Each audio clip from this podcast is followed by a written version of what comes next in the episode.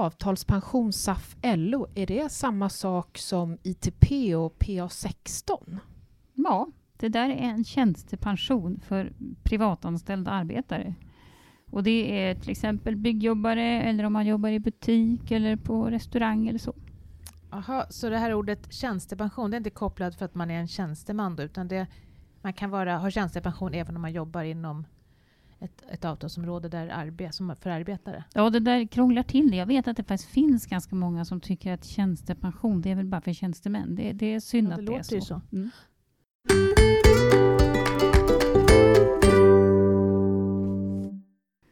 Idag ska vi djupdyka i tjänstepensionen avtalspension SAF LO och gäst idag är Dan Adolfsson som är pensionsekonom på AMF Pension. Välkommen till oss och berätta lite kort om dig själv. Ja, tack. Eh, Jag jobbar som trygghetsekonom på AMF så att jag vill uppmärksamma pensionsfrågan ur spararnas perspektiv och bidra till att eh, så många som möjligt kan göra det bästa möjliga av sin pension. Och vilka är det egentligen som har det här då? SAF LO avtalspension. Ja, lite förenklat så kan man säga att det är ju de som arbetar med kroppen på ett privat företag som räknas som privatanställda arbetare.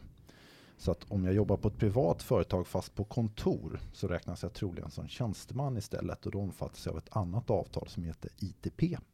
Så till exempel om man är löneadministratör på en bilverkstad. Ja, precis. Då räknas du förmodligen som eh, tjänsteman medan de som jobbar med att byta olja på bilarna, de räknas som arbetare. Hur viktigt är det här med, med tjänstepensioner? Hur stor del av den totala pensionen handlar det om? Jag skulle säga att tjänstepensionen är direkt avgörande för den framtida månadsinkomsten som man får den dag som man lämnar yrkeslivet. Eh, den allmänna pensionen det framstår ju allt mer som en basinkomst för de flesta och tjänstepensionen blir då ett väldigt viktigt tillägg. Eh, tittar vi på en typisk privatanställd arbetare eh, så kommer tjänstepensionen i framtiden stå för ungefär en tredjedel av den samlade pensionen. Mm. Så att eh, den allmänna pensionen kanske stå, utgör två tredjedelar och tjänstepensionen då den sista tredjedelen. Sen privat pension som man brukar prata mycket om, det står för en försvinnande liten del i, i sammanhanget. Och för en typisk privatanställd arbetare så kanske man får 12 eller i vissa fall 13 000 kronor i allmän pension och sen får man runt 4-5 000 kanske då i, i månaden i, i tjänstepension i framtiden. Mm. Men eh, om man nu tänker på där, den allmänna pensionen där man får i orange kuvertet. Det är ju politikerna som bestämmer över den pensionen. Men vem bestämmer över, över tjänstepensionen då? Vem är det som beslutar vilka regler som ska gälla där? Ja, eh, när det gäller tjänstepensionen så har vi den traditionen i Sverige att staten tar ett steg tillbaka på arbetsmarknaden eh, och låter parterna, alltså arbetsgivarna och fackförbunden, att teckna kollektivavtal. Vi har ju den traditionen att vi eh, slänger ju inte gammal frukt på varandra i Sverige eller har vilda strejker utan vi kommer ju överens. Det är ju konsensus som det så vackert heter. Och eh, det gäller allt ifrån saker om villkor, om vad som ska gälla på arbetsmarknaden, men också saker som eh, inbetalning till pensionen. Tjänstepensionen är en sådan sak. Men det där med SAF LO, varför heter det SAF LO? Då? Ja, det signalerar väl att det är en, en eh, typ av tjänstepension som har funnits länge, sedan 1973 faktiskt. Och eh, SAF, det är ju det som idag heter Svenskt Näringsliv, så egentligen kanske avtalet borde heta SNLO då. Mm. Okej, men det är liksom arbetsgivarparten som är Ja. SAF och LO är då arbetstagarna. Just precis. Och de har kommit överens. Ja. Och då blev det en pension som heter SAF LO och som är just för den här gruppen. Just precis. Och SAF, det lever kvar sedan gamla Ja. tider alltså? Ja. Och det har man inga planer på att byta heller, utan det ska heta? Oh, det låter jag vara osagt, Ja, men det är klart förstår. att det här är ju parterna som kommer överens. De där, man har inte så stor fokus på marknadsföring utan det är mer Nej. förhandlingsprotokoll Ja. och då blir det sådana här namn. Ja, jag förstår. Från när börjar man få pension då i den här typen av avtal? Då? Ja, i de allra flesta fall så börjar man tjäna in avtalspension SAF LO från 25 års ålder.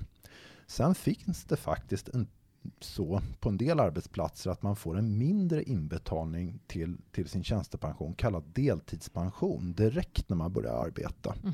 Även om man då är yngre än 25 år. Men grundregeln är att man börjar tjäna in avtalspension SAF LO eh, mellan, alltså man börjar tjäna in den från 25 och det gäller fram till 65 års ålder. Jaha, så om jag sommarjobbar som byggarbetare, får man tjänstepension då? Ja, då är det ju så att om du sommarjobbar på ett företag med kollektivavtal och är 25 år gammal, då får du en inbetalning till tjänstepensionen. Så det finns inget krav på att man måste arbeta en viss tid för att man ska omfattas. Så var det förr om åren, men så är det inte längre. Men när man sommarjobbar så tycker jag att man ska vara vaksam på att man kommer upp i en årsinkomst, alltså inte månadsinkomst, utan årsinkomst på åtminstone 19 000 kronor. För då får man ju en inbetalning till den allmänna pensionen.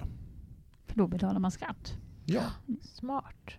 Finns det olika avdelningar i SAF LO, precis som det gör i ITP och PA16 och så, eller är det bara Ja, det ett gör- avtal för alla? Ja, det, det är ett avtal för alla. Mm. Eh, det är en variant som alla omfattas av oavsett eh, ålder. Sen så är det ju så, som jag var inne på, då, att var fjärde person får en extra inbetalning kallad deltidspension eller flexpension utöver den här vanliga eh, inbetalningen. Och det beror på avtal på branschnivå. Eh, så de som omfattas av den här extra inbetalningen är framförallt de som arbetar inom industrin. Okej, så då har industrifacket förhandlat fram det? Ja. Eller, och arbetsgivarna då? Precis. Ja, Mm. okej. Ja. Ha, kan man själv välja då, vad man vill ha sina pengar? Eller är det, är det traditionellt som gäller eller fond eller vad, vad hamnar de?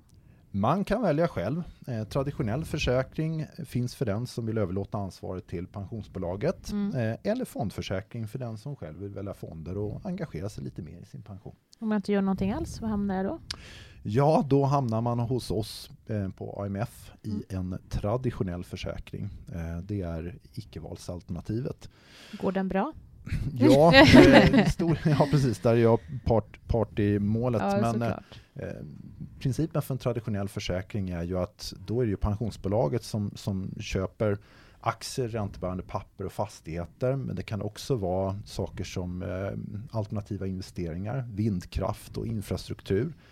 Och i, I grund och botten så har du en garanti eh, som inte får understigas. Och sen hoppas man ju då naturligtvis att det ska utvecklas bättre än den här garantin.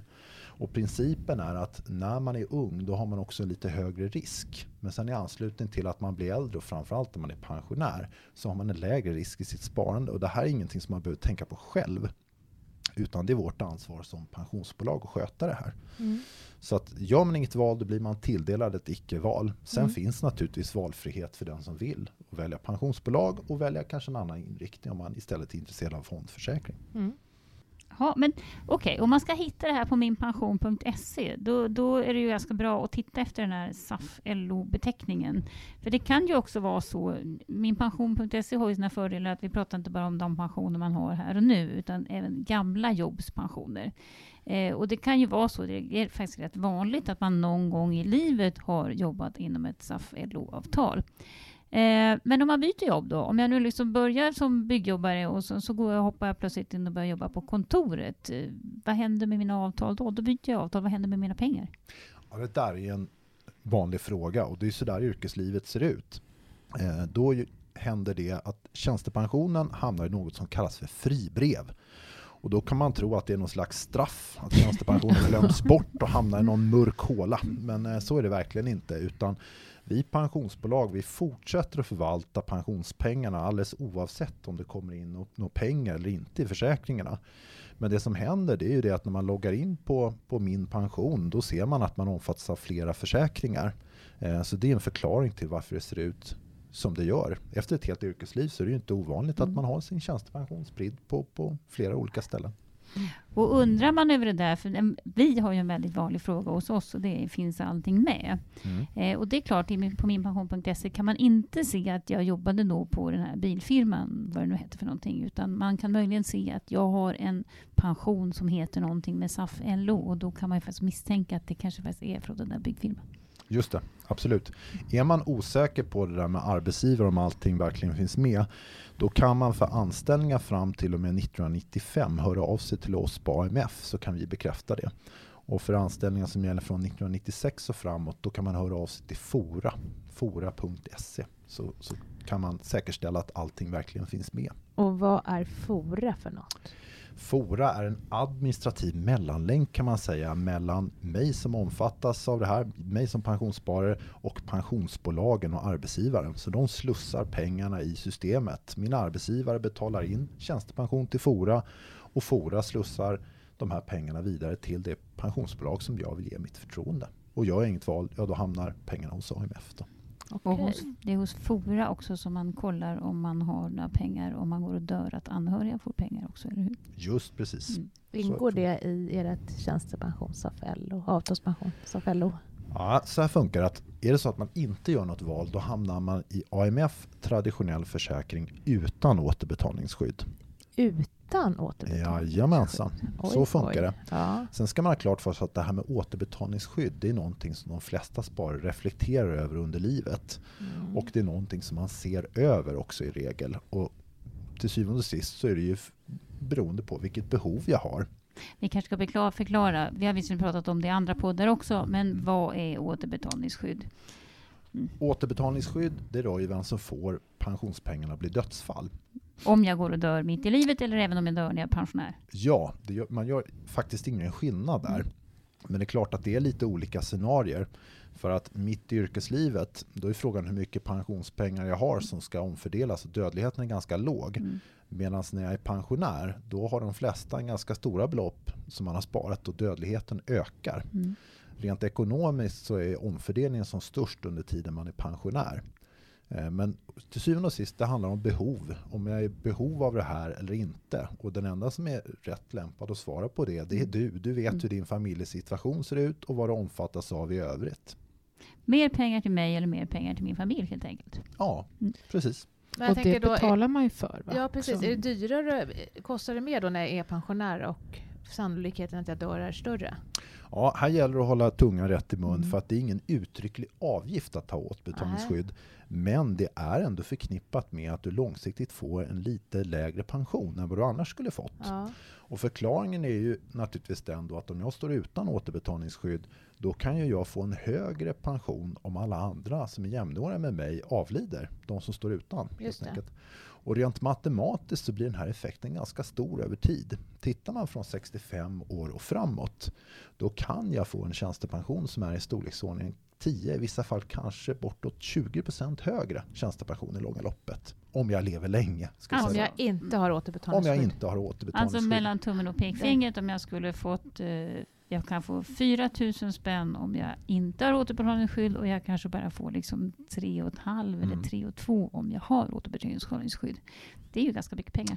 Men, men eh, då sa du så här att hade jag inte gjort något val alls då har jag inget återbetalningsskydd. Ja. Eh, och vice versa, jag kan ha valt någon gång och då kan jag Mm. ta reda på det hos Fora till exempel. Precis. Sen är det klokt att man ser vad som gäller för hela sin tjänstepension. Det är ju inte ovanligt att man har jobbat inom till exempel kommun och landsting. Och där har man en tjänstepension som gäller med återbetalningsskydd. Men sen har man jobbat privat och där gäller det utan. Så att, att man tittar över hur det ser ut. Ehm, Det finns både en och två pensionssparare där ute som har delar av sin tjänstepension med återbetalningsskydd och andra delar utan. Så det är nog bra om man tar ett samlat grepp. Och man kan välja bort och man kan välja till. Ja, det finns en begränsning när man väl går i pension. För att när man väl har gått i pension då, och omfattas av återbetalningsskydd, då fortsätter man omfattas av det under tiden som pensionär. Du kan ta bort det om du vill, men står du utan det så kan du inte lägga till det. Mm. Så det ska man känna till. Okej, så det ska man passa på innan man går i pension? I Det är fall. klokt och det ser vi också att de flesta eh, blivande pensionärer så att säga, de, de, de funderar över de här sakerna. Det, det är verkligen då man tar tag i det en gång för alla. Är jag i behov av det här skyddet? Kommer mina barn klara sig ekonomiskt eller min partner? Eller är jag själv i behov av en högre pension? Mm. För att i anslutning till att man går i pension så upphör även många andra skydd som kanske inte är kopplade till pensionen. Det är allt ifrån gruppförsäkringar Mm. till privata livförsäkringar som man kan ha tecknat, till bolåneskydd och sådana saker. Medan återbetalningsskyddet är en sak, sån sak som lever kvar. Så att för många kan det vara mycket värt medan för andra så kan det istället vara en bättre idé att, att få en, en högre pension Mm. långsiktigt. Okej, men men om vi går tillbaka till liksom det här unikt för SAF-LO-avtalet. Finns det några liksom godbitar, någonting som är riktigt bra i avtalet? Om man jämför med andra tjänstepensioner till exempel. Ja, det finns några saker som, som skiljer sig åt. Eh, alltså, avtalspension SAF-LO påminner om, om de andra stora tjänstepensionsavtalen. Men just när man håller på och rundar av sitt yrkesliv så finns det några saker som är bra att ha koll på. På många arbetsplatser så har man idag möjlighet att gå ner i arbetstid från 60 års eh, ålder. Och kanske är det så att man till exempel vill vara ledig på fredagar. Eh, det kan ju vara ett alternativ eh, för att kunna orka jobba längre. Och här bör man då vända sig till facket eller till arbetsgivaren för att höra vilka möjligheter som finns. Men i samma stund så är det också bra klart för sig att en annan skillnad är att man inte är säker på att man får den här inbetalningen till sin tjänstepension efter 65 år. För att mm. avtalspension SAF-LO den gäller ju mellan 25 och 65 och arbetsgivaren har ingen skyldighet att fortsätta betala in efter 65 år. Så här finns det ju de som kommer överens om med sin arbetsgivare att inbetalningen ska fortsätta. Eller att man får en löneförhöjning till exempel. Men det ser olika ut och det regleras inte i avtal. Så det bygger på att man, att man kommer överens. Men det går helt enkelt. Det är ganska lätt då om man vill att gå ner i arbetstid mm. när man är lite äldre utan att det egentligen behöver påverka pensionen jättemycket. Ja, det låter jag vara osagt. Det beror alldeles på så att säga, hur stor pengapåsen är. Men framförallt så har man goda möjligheter att, att föra en dialog med sin arbetsgivare. Mm. För man har skrivit in det i kollektivavtalen på många ställen. Så det står att arbetsgivaren ska motivera varför man inte ska få kunna gå ner i mm. arbetstid. Så jag tror över tid att vi kommer få se nya sätt att gå i pension på. Vi har redan sett sådana tecken att man kanske väljer att, att trappa ner lite i, i arbetstiden sista tiden för att, för att orka eh, jobba längre. Och det är det här vi kallar för flexpension eller delpension? Precis. Mm. Och det här är egentligen så att just det här avtalet har gått lite för de andra tjänstepensionsavtalen. De ja, har sneglat på det här avtalet och de är lite, det, det, de är lite avundsjuka. De, först ja. ja. Och hur gammalt är det här avtalet då? Är det dags för omförhandling snart eller kommer vi kunna leva det vidare år efter år nu? Ja, så här funkar det. Nu under 2017 så eh, drar arbetsmarknadens parter åt eh, tumskruvarna på de pensionsbolag och banker som vill vara med eh, och erbjuda avtalspension SAF-LO. Och det är hårda krav både på innehåll och pris och synnerhet låga avgifter. Mm. Så det, det, påminner lite om den här karibiska dansen limbo. Mm. det är en avgiftsribba då som man ska dansa under och, och alla som, som klarar, klarar av det får vara med.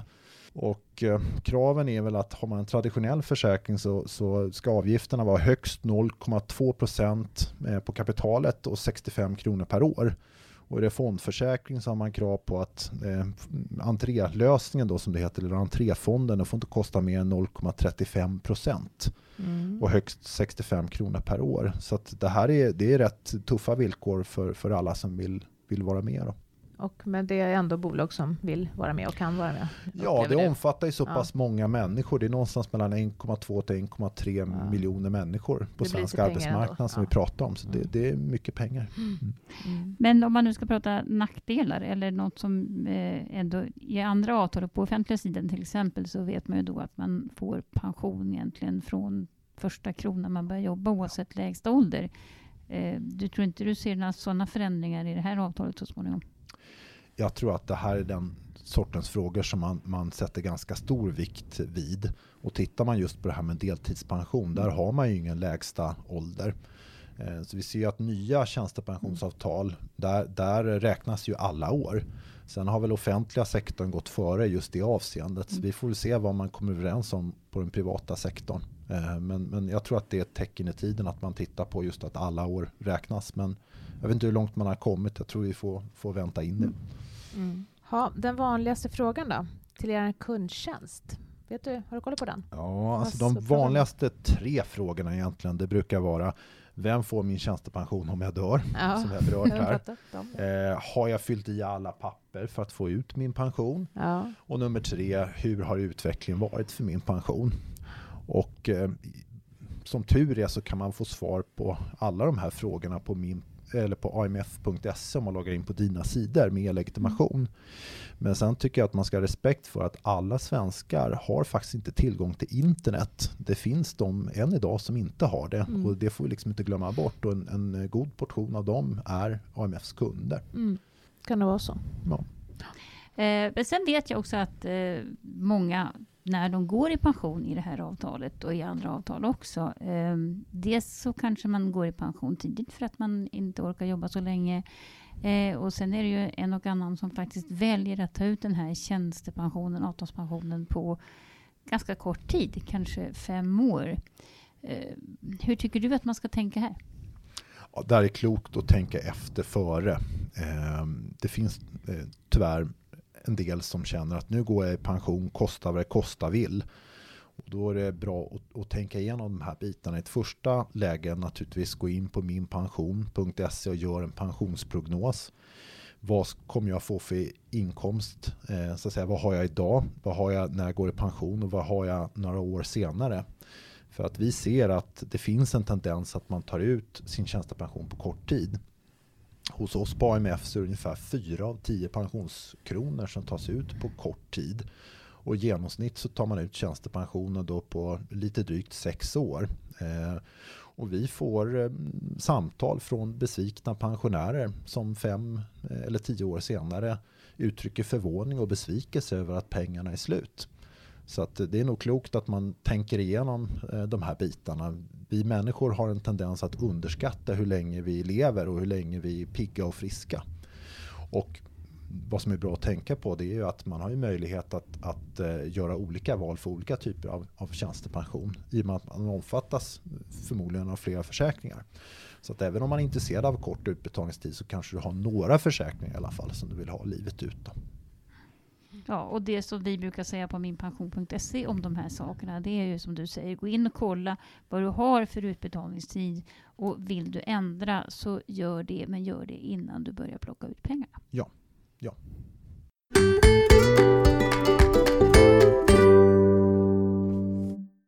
Vad gäller om jag vill flytta utomlands som pensionär? Det har vi fått fråga om. Kan man ta med sig pensionen vart som helst i världen, Kristina? Ja, om man har tjänat in den själv. Det är det enkla svaret. Alltså pension som du har samlat ihop själv via det orange kuvertet när du har jobbat och betalat skatt eller tjänstepensionen när din arbetsgivare har betalat in eh, vad heter det, premier varje månad eller varje år. Den pensionen kan du ta med dig vart du vill. Du ska ju bara inte glömma att ange då vart pengarna ska skickas någonstans. Det finns de som gör det också. Och så måste man vara beredd på att man ska visa upp sig en gång om året och tala om att man fortfarande lever. Ja, faktiskt. Mm. Ja, eh, men sen finns det några undantag. Eh, och när det gäller garantipensionen till exempel, det vill säga den här pensionen i det orange kuvertet, den allmänna pensionen, som fyller ut om man inte har tillräckligt mycket egen pension. Eh, den pensionen får man bara ta med sig inom EU och några länder till. Och vill man kolla vilka länder det är går man och kollar in på Pensionsmyndighetens hemsida. Eh, och jag vet inte, men, men, för några år sedan så var det en dam från Karlskrona, hon var 96 år och flyttade till Thailand. Hon hade bara garantipension och hon blev väldigt besviken när hon ett halvår efter inte fick några pengar alls i pension längre. Så att det här är ju viktigt att tänka på. Andra stöd som man kan få som pensionär det är ju bostadstillägg för pensionärer och äldreförsörjningsstöd. Eh, och här gäller det att de stöden får betalas ju bara ut så länge du bor i Sverige. Bor i Sverige. Sen kan du självklart åka iväg på semester kanske flera månader till ett annat land och det berör ju inte pensionerna. Men flyttar du, då, då ska man tänka sig för med vad som händer med, med vilka olika pensioner man har. Det här är en podd som görs av minpension.se där du kan se hela din pension och göra pensionsprognoser. Vi som har gjort podden idag är jag, Ulrika Loop, Kristina Kamp och Maria Eklund och gäst idag var Dan Adolfsson som var trygghetsekonom på AMF. Vi finns på Twitter och Facebook och glöm inte att prenumerera på podden. Tack för idag! Hej då! Hej då!